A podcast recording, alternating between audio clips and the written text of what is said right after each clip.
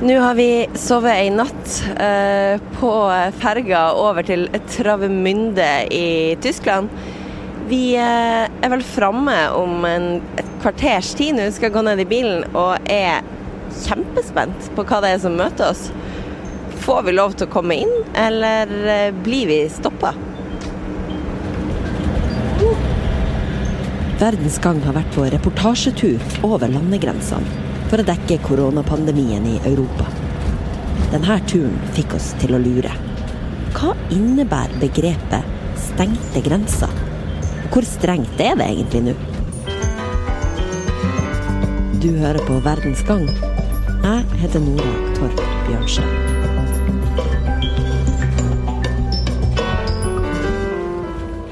For ordens skyld, når du hører denne podkasten, er jeg, som seg hør og bør, i karantene hjemme i Norge. Heldigvis uten symptomer på sykdom. For det er jo helt spesielle tider nå. Å reise er noe vi ikke skal gjøre, med mindre du er på jobb og det er helt nødvendig. Og et sånt unntak har mange land for journalister. Så jeg og fotograf Annemo Larsen i VG fikk oss noen ordentlige papirer med stempel fra både sjefsredaktøren i VG og fra Norges ambassader dit vi skulle, og kjørte med campingbil ut av landet. Det var ikke mulig å få et klart svar på forhånd om vi i det hele tatt kom til å slippe inn i hvert enkelt land, så vi var ganske nervøse ved hver landegrense. Nå har vi kjørt campingbilen vår eh, fra Danmark, der hvor vi var, og til Sverige. For eh, vi fikk nemlig vite at eh, fergene går mellom Sverige og Tyskland. Og visstnok så skal det gå ganske greit å komme inn i Tyskland. Så veldig spent akkurat nå. Jeg lurer på om eh, vi kommer til å bli stoppa. Eh, jeg lurer på om vi slipper inn på ferga, om vi blir sjekka idet vi krysser landegrensa midt ute på havet, eller om vi stoppes først når vi kommer til Tyskland, og hva man eventuelt risikerer der. Kan vi bli sittende stuck i Tyskland i to uker i karantene? Det er liksom verstefallsutfallet av det her. Eller kan det hende at vi får dra dit, lage reportasjer og lugnt dra tilbake til Norge.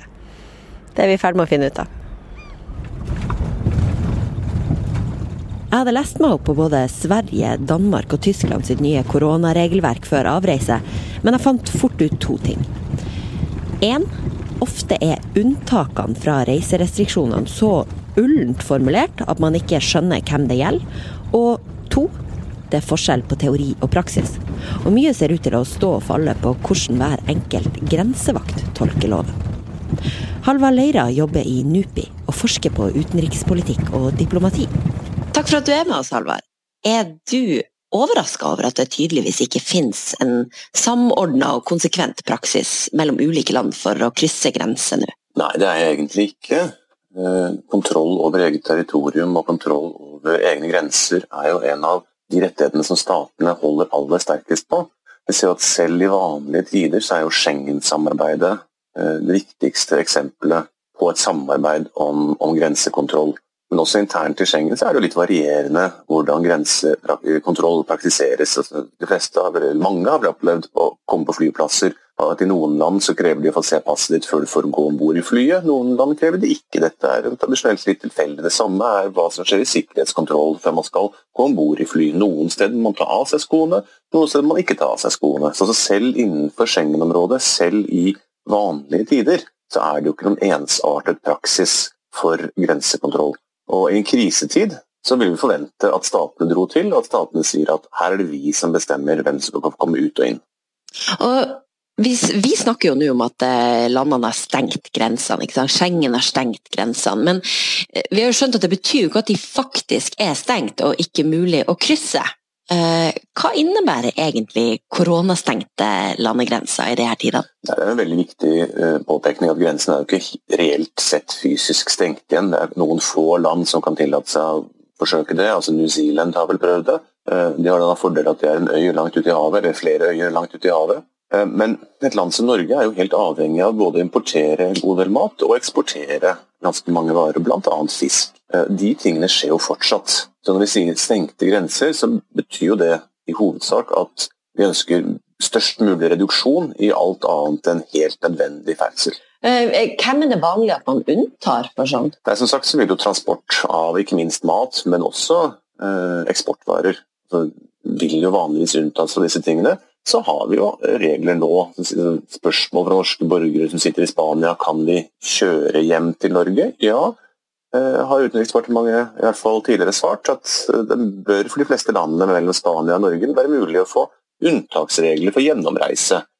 Ikke sant? Altså Man får ikke lov til å, slå seg til i landet på vei, men man får lov til å kjøre gjennom på vei til sitt eget land. Så Det finnes jo vanligvis en god del unntak, og det er jo veldig sjelden at vi har så strenge reguleringer som vi har nå. Her finner jo statene på ting litt underveis. Vi hadde jo med oss papirer hjemmefra som beviste at vi var journalister på arbeid, med en argumentasjon om at dette var et samfunnsviktig oppdrag, fordi det ikke finnes noen andre gode måter å dekke denne krisa på enn å reise ut sjøl. Men det viste seg å være stor variasjon i om noen faktisk ba om å se de her papirene før vi slapp inn i landet. Vi ble f.eks. aldri sjekka i Tyskland. Vi er på tysk grunn. Har foreløpig ikke vist noen papirer.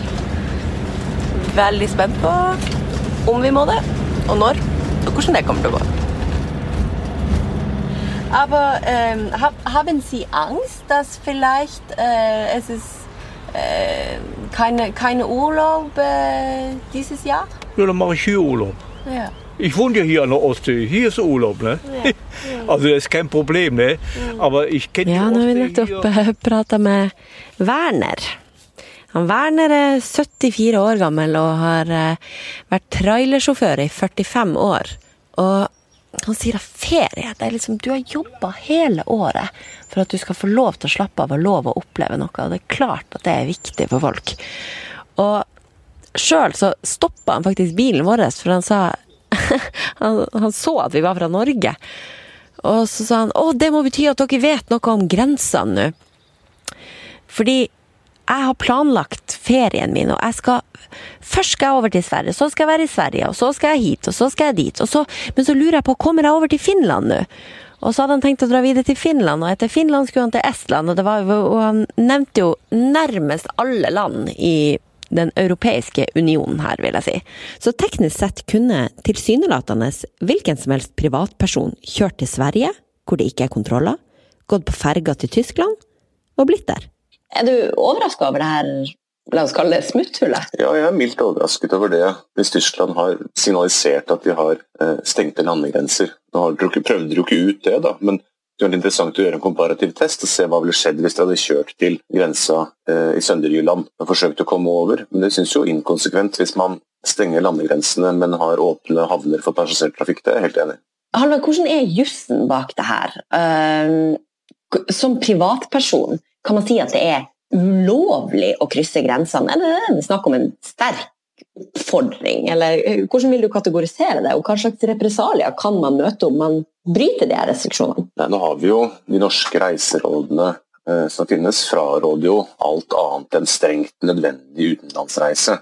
Eh, så kan man si da må man burde, man kunne godtgjøre at ens utenlandsreise er strengt nødvendig. Og På represalier så ser vi at etter at det var en del som valgte å reise til Sverige og handle i påsken, så ble det jo etterhåndsinnført rett og slett uh, straff for de som hadde gjort det. Altså mulighet for å frata dagpenger og ganske betydelige bøter hvis han stiller seg selv i en posisjon som han går, går rett i karantene. Samtidig så uh, har jo dere fått lov til å reise rundt på jobb, og vi vet at journalister har hatt en, en, viss frihet til å bevege seg rundt omkring også i Europa. Så ingen regel her er helt uten unntak. Kunne det samme skjedd i Norge som vi opplevde uh, inn til Tyskland? da, At man kunne ha kommet inn fra utlandet og egentlig ikke blitt sjekka, og det eneste man måtte gjøre ved hjemkomst, var å sitte i karantene? Ja, Lenge etter at vi stengte ned skoler og barnehager og, og innførte sosial distansering og hjemmekontor, så var jo det reportasjene bl.a. fra Gardermoen, at folk landet på Gardermoen og så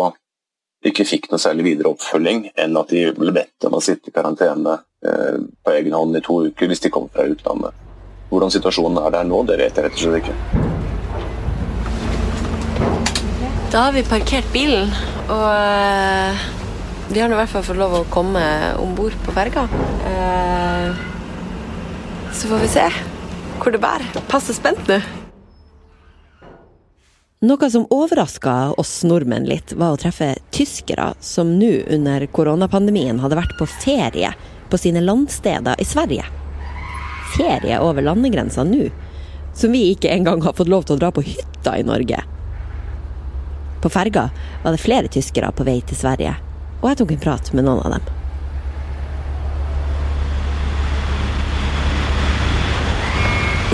Nå går jeg her blant eh, biler av alle nasjonaliteter på vei ut av ferga. Hei! Uh, do you speak English or Swedish? A little bit English. My name is Nora Torp Bjørnstad and I work for Norway's largest newspaper. I'm making a podcast about what people will do this summer when they can't go abroad on holiday. I can not I can go in holiday because I have a house in Sweden and make holidays there. Okay. But are you Swedish? No, I'm German. Ah, okay, but you can still go there. Travel to Sweden, yeah. Right. And then you have to be in a quarantine when you come back, or? It's not necessary when you uh, care for some people in Sweden. It's not necessary to go in quarantine. Halvard, hvorfor er det tydeligvis sånn at eh, tyskere er fri til å reise og være på ferie i Sverige nå? Man skulle jo tro at siden Sverige har en annen strategi enn andre land og ligger på smittetoppen, at Tyskland ikke ville at det skulle komme masse av deres borgere dit og potensielt sett dra med seg smitte tilbake. Ja, spør du meg, spør jeg deg. Eh, jeg, jeg, hele den situasjonen du beskriver med, med ferjetrafikken mellom Tyskland og, og Sverige med beg, veldig begrenset kontroll i det hele tatt, eh, virket meg overraskende eh, i lys av den jo ganske klare eh, politikken Tyskland har ført på eh, betydelige inngrep for å sikre smittekontroll internt. Dere i NUPI gjorde et eh, forskningsprosjekt der du var med, og hvor utgangspunktet var eh, hvordan norske borgere kan bli best mulig ivaretatt når en stadig større andel av oss befinner oss i utlandet. Da er det jo naturlig å spørre i de tidene her, hvilke utfordringer har ligget i denne situasjonen for norske myndigheter? Ja, altså Hele koronasituasjonen har jo skapt utfordringer for alle landsmyndigheter, eller de fleste landsmyndigheter. Og viser jo egentlig eh, veldig tydelig hvor sterkt båndet mellom stat og borger er. For beskjeden fra de aller fleste stater til sine borgere i utlandet har vært 'kom dere hjem'. Vi, så bildene fra amerikanske flyplasser eh, da den beskjeden var gitt. Eh, disse flyplassene hvor det sto altså, tusenvis av mennesker tett i tett i tett i tett mens de ventet på bagasjen sin og skulle komme seg hjem fra, fra forskjellige utland, antyder jo at den beskjeden var ganske tåpelig sånn fra et smittespredningsperspektiv. Men så er det altså stater de mener jo, og borgerne deres mener gjerne det samme, at de har et ansvar for å ta seg av sine borgere. Så Derfor har man bedt borgere komme hjem. Og i land som Norge og de fleste EU-landene så har man da også eh, forsøkt å legge til rette for at øh, borgere kommer seg hjem. De som ikke kommer seg hjem med rutefly, der har særlig Tyskland vært aktive på å sette opp charterfly fra forskjellige destinasjoner rundt omkring i verden hvor det kan være vanskelig å komme seg hjem. Og tatt med både tyske borgere, men også andre EU-borgere og også norske borgere tilbake til Europa. Så Utenrikstjenesten i Norge har jobbet eh, veldig aktivt. Uh, hatt en døgnåpen uh, krisesentral, som i og for seg har til vanlig også, men tatt, oppbemannet den veldig. Og jobbet intenst i mange uker med å hjelpe nordmenn som har sittet rundt forbi verden og ønsket å komme hjem. Det skal naturligvis sies at det er en del nordmenn som av varierende grunner har valgt å bli i andre land. Men de mobildataene vi har, antyder at i hvert fall to tredjedeler av de nordmennene som har befunnet seg i utlandet med norske mobilabonnementer, kom hjem i løpet av de første to-tre ukene etter at nedstengingen begynte.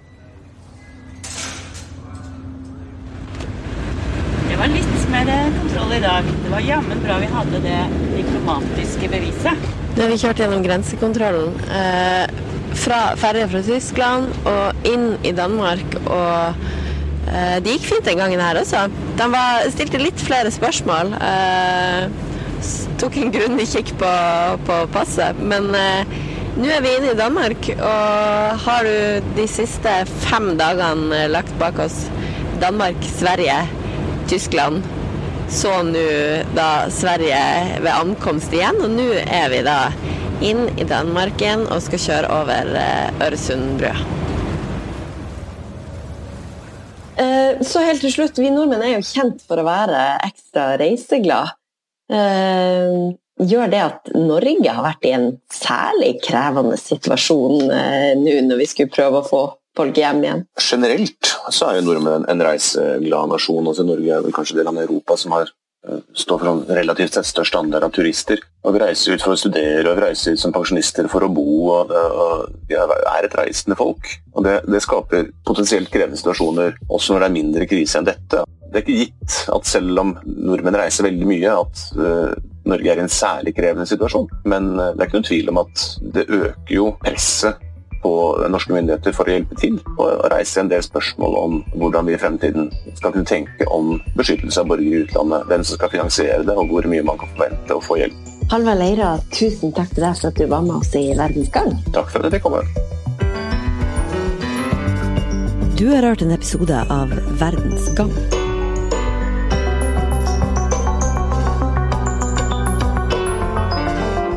Gjengen bak denne podkasten er Tor Erling Tømt Ruud, Kristine Hellesland, Emilie Hall Torp og meg, Nora Torp Bjørnstad. Teknisk produsent er Magne Antonsen. Hvis du likte det du hørte, så foreslår jeg at du abonnerer på oss, og fortell gjerne en venn om oss også. Takk, og vi høres i morgen.